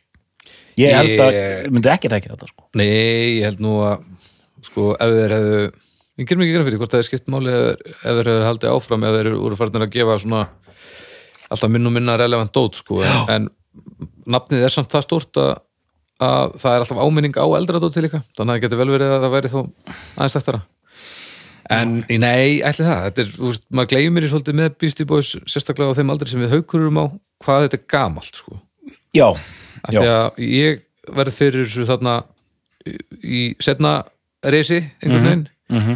ég í rauninni líka og ég sko. upplýði það svolítið sem að fyrir mér er það þá sem þeir ættu að hafa verið að byrja sko. þannig að þetta er náttúrulega þá, þá eru bara búin að vera band bara heil lengi sko. já, já. Já, þannig að þetta er uh, ég held að allir okkur yngri eiga ekki, úst, ættu ekki að vita hvað þetta er nema þessu bara þeim mun meiri tónlistagrúskar, Já, já. mér líður þannig. Ég meina algjörlega, ég meina þetta er bara Ekki verið bara, þetta er ekki bara starfandi í 11 ár sko. tvítuðu krakkar í dag, sko, ég bara segja þetta sem staðrendir, hérna, þú vita af alla hvað U2 er. Já, ég meina, á- nei, en og, og hvernig ættu þau að vita það, sko? já, af hverju, þú veist. Mm þú verður þá að vilja maður, maður verður að vilja vita maður verður að fa fara á dýftina En Beastie Boys eru samt að gera einhvers konar uh, eldri útgáfu af tónlist sem að krakkar hlusta á í dag. Vissulega, en ekki YouTube. Rétt. Ég veit ekki hvort það hefur eitthvað að segja. Það getur vel verið, og það getur vel verið að að á líka ákveðum svæðum í heiminum. Ég meina, þetta er náttúrulega New York band sem að og, og ungt fólk þar er ekki að hlusta á sama ungt fólk hér, skilur Nei, eh, sum staðar eru bönd bara partur af staðnum, þú veist. Er þessi New York uh, er þessi New York dýrkun ekkit pyrrandi pínu? um, í þeirra þá? Nei, bara allt í kringum þetta. New York er skemmtileg borg, ég hef farið þangað nokkrum sinnum alltaf haft gaman af. En þetta er svona ég, ég við erum í New York og það er einstak þú veist, það er Já, enginn í heiminum sem montar sig að Nei, því bæði. hvað hann býr? New. New York búar eru svona eins og haffyringar sko. þetta er pínu, eh, nei, þetta er fucking óþólandi þú veist. Þú veist, það er, já, já, þetta, þetta er fóking góðþólandi, af því að þú veist, það er alveg þú veist, það eru margar borgir sem sofi ekki, sko, ró, bara ró, róið ykkur það, við, erum það bara, er við erum öll saman í þessu. Bara, nei. Hagkup er opið allar nóttina hérna líka, sko. Þetta, þetta, þetta er gott þetta, þetta er yfirlæti Þetta er yfirlega Já, Það er eins og við í New York erum við erum bara betur en þið sko. Já, þetta, þetta er líka hópefli. Já, einmitt. Þetta er það, sem er ógeðslest sem til. Já, þetta er svona ITR hópeflis Ói, eitthvað. haukur, ói, ég var ekki búin að spotta djöfull er þetta óþólandi þetta er, þetta er óþólandi og, og síðan sko, og það sem slísið sem gerist á þessu to the five boroughs að þú ert með þetta New York dæmi þú ert með þarna hriðvirka dótið og þú veist, þeir eru þetta bandarískir. Hriðjuverka dótið. Og þeir eru þetta bandarískir. Og ert já. bandarískur, þá er alltaf stutt í væmnina sko.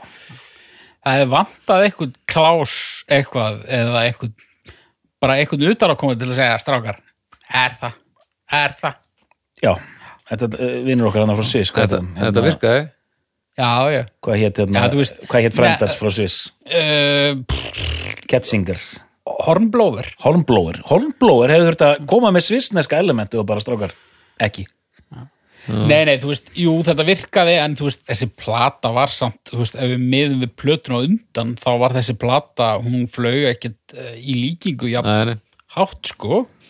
En þú veist, jú, jú, maður uh, heyrði singlana í útvarpinu og svona. Og, og þetta er ekkert hræðilegt þetta er bara svona, þetta er eitthvað svona herslu munur sem að ítir þessu í leiðilegu áttina, sko Já, svo er þetta náttúrulega mjög skýrt ellimerki. Já, þegar Já. maður er fann að syngja einhvern óð til heimaslóðuna þá er þetta náttúrulega bara þá veistu bara döðin nálgast, það er bara ekkert flóknum það.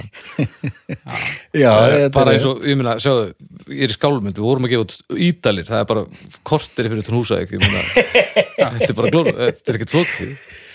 Já, þetta er, já, og svona og þetta, svo ég haldi áfram að tala ítlega um Beastie Boys, að hérna myndi hérna að, ég fattaði það bara því ég sá myndina uppistandið þeirra, eins svalir og eins vænt og mér þykir um þá alla, er að hérna bandaríkjumenn bara, they never miss a trick að búa til smá bíó, sko. Hollywood er alltaf, sko, andandinn er hálsmálið á öllum, sko. Já. Það er alltaf, það er svona hendur þetta kreist út tár þarna, sko. Já, já, já, það er ekki leðilegt að Já, já, en, en sko ef við skoðum bara alveg allan ferilinn þá náttúrulega klárlega sko hérna, vogar skálarnar eru hinu megin alveg kyrfilega sko, þeir, og þeir rétta kúrsina af með síðustu plötunum sinni ég, alveg potið sko. En, já, ég hlusta ofbúðslega illa og lítið á hana. Og, og kannski er hún bara góða því það er, hún er bara venjuleg það er bara verið, það er ekkit, það er ekkit svona er ekkert yfirhangandi þema sko. náðu hún ekkur flugi, voru ekkur svona þú veist, bara, já, þú veist, þetta er bara stórt nafn. Já, ég held að, ég held að þegar út komin þessar stærra gráðu þá nærið alltaf ákveðinu flugi sko. En síðan er þetta sjokk fyrir strákana að missa þarna vinsinn sko. Þetta var þetta rosalega þétt band og þétt vináta gerðist þetta og kom þetta bratt upp. Í frekar sko. tiltölulega sko. Já. tiltölulega og hérna þeir voru að gera þessa plötu held ég þegar hann greinist. Eða þegar hún fer að raka eða eitthvað. Að því hann kerði dæmið sko. Já, var það. Já, það var hann sko. Hann, svona, e, já, hann var í rauninni gaurinn líka sem stofnaði hljónstina sko. Já. hann, hann svona bassaleikarin kerði þetta sko. Já, og já, þetta var fyrir gamla, það var ekki talað um þetta, þetta, þetta ma- ég heyrði að þessu bara og þá var kannski bara hálft ár. Já. já, en, e, já, en hver er þinn maður í Beast Boys? adrock Já. ég er adrock ert þú adrock? ég er adrock ég er hann sko. Hver er þinn maður í Beastie Boys? minn? Haukur, já. Adrock Nei, að banna, við getum ekki báðið verið jú, við erum ekki á leikskóla sko. Það, það get ekki allir verið rauð þetta. Þú Veist, þetta er, hann er hann er Michael Jordan í Beastie Boys. Já, en adrock já, eða ekki? Já, doktorinn er búin að velja adrock þú voru að velja, ég skal, ég skal vera svo sem þú velur ekki. Ok, ég ætla að velja Mixmaster Mike. Uh, plötusnúðin sem kom inn á Hello Nasty. En, en Þetta- þinn þetta- baldur? Og þá er ég Kate. Shellback já, ég er Sellenbach já, okay. nei, nei, hinn eru fínir sko. Bara, uh, Adrock er svo yfirburða svalastur sko. ok, mm já, já. Ok, ok. Og síðan hann er líka svo hann er svo mikið gerpi sko. þeir eru- Já. voru allir gerpi en hann var mesta gerpi. Er það ekki? Jú, hann er, hann er, hann er jú, jú, hann er gerpi það er alveg rétt. svo- þetta eru svona gerpis rattir þetta er algjöra gerpisrættir og hann er í forvíi sko. Hann er svona svolítið æstastur sko. Já, Mike D er svona aðeins feimnari sko. Uh, MCA er með svona þetta hljóðláta svalleika sko. Mm. svona Josh Harrison hérna fílingur sko. Já, Adrock væri svona svona Lennon í honum sko Mm Mike D er svona blanda af Ringo og, og það er eiginlega engin pól þarna sko, þeir eru allir svo hérna mikil gerpi. Eru mikil gerpi sko. og, og þannig er, þú veist, þannig er með hljómsveitar sem sko Mike D segir það var ekki fyrir en eftir hvað sagði hann, það var ekki fyrir en eftir að við höfum klárað your head, þar sem ég gætt svona að fara að líta á mig sem einhvers konar tónlistamann sko. Hmm. Þannig að Já, þú ok. veist, tónlistarmenn og hljóðfara leikara var það var dálítið bara gert einhvern meginn bara að því að fyrstu tvær plötunar eru bara samplað sko. Mhm. já, það er ekki fyrir en hérna þeir rífu upp gömlu pöngljóðbærin sín og byrja að tjamma þess sem það fer af stað aftur og eru bjargar bandinu sko. Já, lífræn hljóðfæri björguðu bístífus það er eiginlega svolítið svona leksía sko. já. En þeir ættu nú einhverju versinu síðan í gegnum tíðin að vera út að sö- út jú, sömplum jú, jú, jú. Bara eins og allir. Eins og allir. Feit, feiti reikningar. Já, stopna hann að Grand Royal hérna útgáfuna. Og þú veist, eru bara svona þú veist, hei tökum upp ókvæslega kúlag og spilum sem körfubolta skeitum aðeins og hittum þennan kúl graffara og eitthvað svona, þetta er svona, einmitt New York bara á styrum sko. Mhm. allan tíman sko. En svona það sem mér finnst eitthvað svo merkilegt líka og ég hafði kannski ekki alveg átt að með á fyrir en ég fór að skoða þetta svona í samhengi. Og það er það hvað þú veist flest, flestar hljónsittir verða til út af því að fólk hefur áhuga á tónlist, spilar og hljóðfæri eitthvað svona.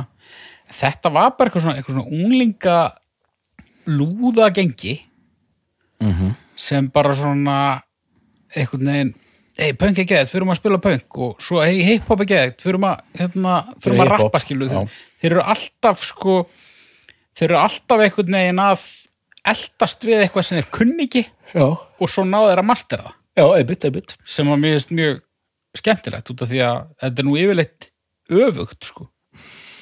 Einhvern veginn að að hæfileikarnir koma fyrst og svo framkvæmdin. Já, já Nei, nei, og það er þetta magic sem gerist líka oft þegar menn er að spila upp fyrir sig eins og your head, sko.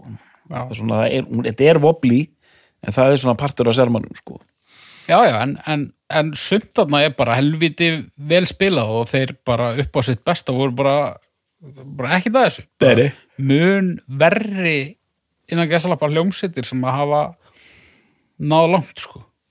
Svona spilalega. En svo er þetta líka bara svo fyr- furðulegt og ég rauninni veit ekki, þú veist, hvernig lestu er þetta til dæmis live? Allar live-klippur sem ég hef séð þá eru þeir bara að rappa, en ég hef ekkert séð rosalega margar live-klippur að þeim. nei, þeir, þeir live þá bara, þeir taka þetta bara, bara það er bara svo gítar og trommur spila það, Já. er oft með hérna, orgel, veist, hljómbóðsleikara og einhver svona auka spilara með sér, sko Og, en þeir gera þetta, sko og frá og með check your head er það alltaf þannig. Já, já, meir og minna, sko Já. stundum fara þær allir þrýr fram á svið og bara la, la, la, la. en þú veist, þetta er svona tvískipt sko. og hérna, Mike D. trommar sem bara fer hann og syngur hérna Time for Living og svona, einhver svona róterað sko. Tjúlurlega skrítið að rappa og spila á hljóðfæri. Það er, Eh, það er, það. alveg, það er alveg kunst að ná að syngja og spila á hljóðfæri en það kemur nú að lokum hjá flestum. En að rappa og spila á hljóðfæri, kannski Það er- það bara eins, En en, Já, maður er bara óvanur því. Sko. þú veist, það er náttúrulega bara rithmiskara en margur söngur, þannig að það getur líka bara hennilega verið auðvöldara, sko. Ef maður er, ef maður er góður að rappa, það er að segja. Ekki, klálega ekki einsinn. líka kat, þú veist, einmitt, það er marga klippur að þessir eru hérna þrýr í einhverjum samfestingum að hoppa og, og rappa sko mikið að þannig lögum í katalógnum en eins og til dæmis Check Your Head er nánast meira svona bara rockplata heldur en hip-hop sko mm. og keirt á hljóðfærum meira og minna sko Já. merkilegt, þú séum bara, þú veist þó ég hef nú ekki gefið henni góða umsón hérna á þann að geta, geta verið í því hoppandi um og rappandi og síðan bara er sest niður og, og, og hrært í tóllaga instrumental dub, groove, jazzplötu sko, þetta er þetta fánalegt sko Já. og þetta er alveg einstakt dæmi sko En alltaf á þeirra fórsöndum. uh Aldrei neitt, þú veist. Mm. Nei, og þeir verða meira og minna independent eftir þetta Póls Boutique fjasko sko, þeir gera sin eigin label Grand Royal og jú, jú, það er einhver aðkoma upp á dreifingu frá stóru en það er þeir eru með kontról sko Já. Myndbönd hefa gert mjög uh, svona, já, eins og intergalactic minnbandi Já, einmitt. Þetta, þetta er eitt af þessum böndum sem að minnböndin hjálpuðu til. Einmitt. Og tappa inn í þú veist svona skapandi kvikmyndagerðamenn og svona þú veist þeir eru alveg á miljón þú veist 90 stæmi sko Björk og hérna þú veist Beastie Boys og fleiri sko sem er að gera svona þetta er einhvern veginn vinsælt mainstream innan gæsalappa en rosa svona að vera að pússa pushing the envelope alveg á miljón sko. En meiri sér bara í 80s, bara já, fight for your right. já, Já. Kerry King mættur þarna og já, já. Eitthvað. um, erum, við, að- erum við að fara í uppgjör bara? Ég- mér finnst eh, já, stóra samingi er svona bara meira og minna komið sko. Já, þá ætla ég að byrja á eh, þér haukur. Já, komdu nú með uppgjör uh, já, það bara kom mér á óvart hvað ég, ég þekkti þetta betur en ég held ég kem sér satt svona fyrir Hello Nasty og eiginlega líka þar. Þá er þetta bara svona hljómsveit þú veist, maður þekkti bara þessi lög sem hefur ratað í útvarp sem voru nú alveg nokkur. En svo einhvern veginn frá með Hello Nasty þá var engin undan komu leið þannig að maður var svona eiginlega bara að tjekka á þessu. Mm. En svona ég fer ekki að kunna almennilega meta þetta fyrir svona það rík er svolítið sest sko. en held ég að alltaf átta mig á svona mikilvægi Já, Beastie Boys og, og, og alltaf svona þótt væntum þá inn við beinið. Um, Póls Boutique eh, sko hafði ég alveg heyrt. Ég hafði heyrt allar þessar plötur sko en mér fannst að blasa við þegar ég hlusta á þetta að það væri skemmtilegasta platan. En Check Your Head væri svona mesta afrekið skulum við segja. Mhm. en eins og mér líður núna þá ætla ég bara ég ætla bara að velja plötuna sem ég er skemmtilegust. Já, það er hannig já, Já, ég hérna og það er nú oft segir sína sögu þú veist, þegar maður er búin að að hlusta á í undirbúningnum mikið á eitthvað þá er maður mjög oft bara fegin þegar að þátturinn er in the can og maður getur farið að Mm. snúa sér að næsta Mhm. það er ekkit útilokað að ég skelli Póls Boutique á fónin í fyrramálið sko. já, já, já, já. komin í stemningu já, já, já. Næs Doktor Já, sko Póls Boutique var fyrsta platan sem ég keipti mér með hérna hérna Beastie Boys mér, mér hafði þótt þetta uh, License to Ill eitthvað hálfasnalegt kaupi Póls Boutique á einhver útsölu. Uh, og fílana finnst þetta helviti flott en er ekkert algjörlega seldur. Síðan gerist þetta hérna 18 ára eða 19 ára kaupi ég Your Head og þar kolfjall ég algjörlega. Mhm. og verður svona pínu soundtrack of my fiddlery, mætti segja. Já, og hérna uh, sem, sem, voru, sem voru öll indisleg og velhefnuð eða, eða þannig. Jú, jú. Hérna. en við, það var þetta sömar 93 þar sem að bara hún er bara greift inn í DNA þessi plata. Og eins og bara við höfum líst hérna það er, það er sko, Pólsbútík er algjörlega styrluð og dúlega skemmtilega líka svona það er nánast þetta að henda hún er rosa skapandi og það má vel að segja hún sé arti á einhvern átt líka sko. Hún er svona þetta er ekki allra einhvern megin Uh, en það er bara þetta með head. Svona, það er stemningarna, það er verið að prófa eitt og annað, þetta er lífrænt og, og mér finnst hún já, bara ótrúlega skemmtileg og svona, ma- maður svona fer allir á yð einhvern veginn þegar, hún að stað. Já, og þykir bara ótrúlega vænt um hana sko, þannig að hún endar í fyrsta sæti á mér sko. Mér langar að bæta einu við, sorry Ó, maður mál. er ekki hefð fyrir því að, að þú veist, þú búið með uppgjörið þá bara áttu að halda kæfti sko. nei, nei, ég leiði það en ég bara glemd að koma þess að aðan Ok. náttúrulega líka það sem að gerir check your head hún er miklu meira þeirra já, þú veist, Já, Póls Boutique þeir uh, skiptu sér eflaust eitthvað af uh, ríkbræðurum hana, Mhm. en þeir eru samt bara að rappa yfir eitthvað Já. sem einhver annar gerði sem, eh, sem gerði sem svínvirkar já, eitthvað sem einhver annar gerði úr einhverju sem einhver annar gerði já, já, sem svínvirkar en check your head er svo mikið þeirra sko. já, já, akkurat en snertur maður hefur já. Mjög gott. þannig að doktor, er þetta besta plata Beastie Boys? Já. Haukur, er þetta besta plata Beastie Boys? nei, Við þakkum fyrir í dag og við heyrumst að viku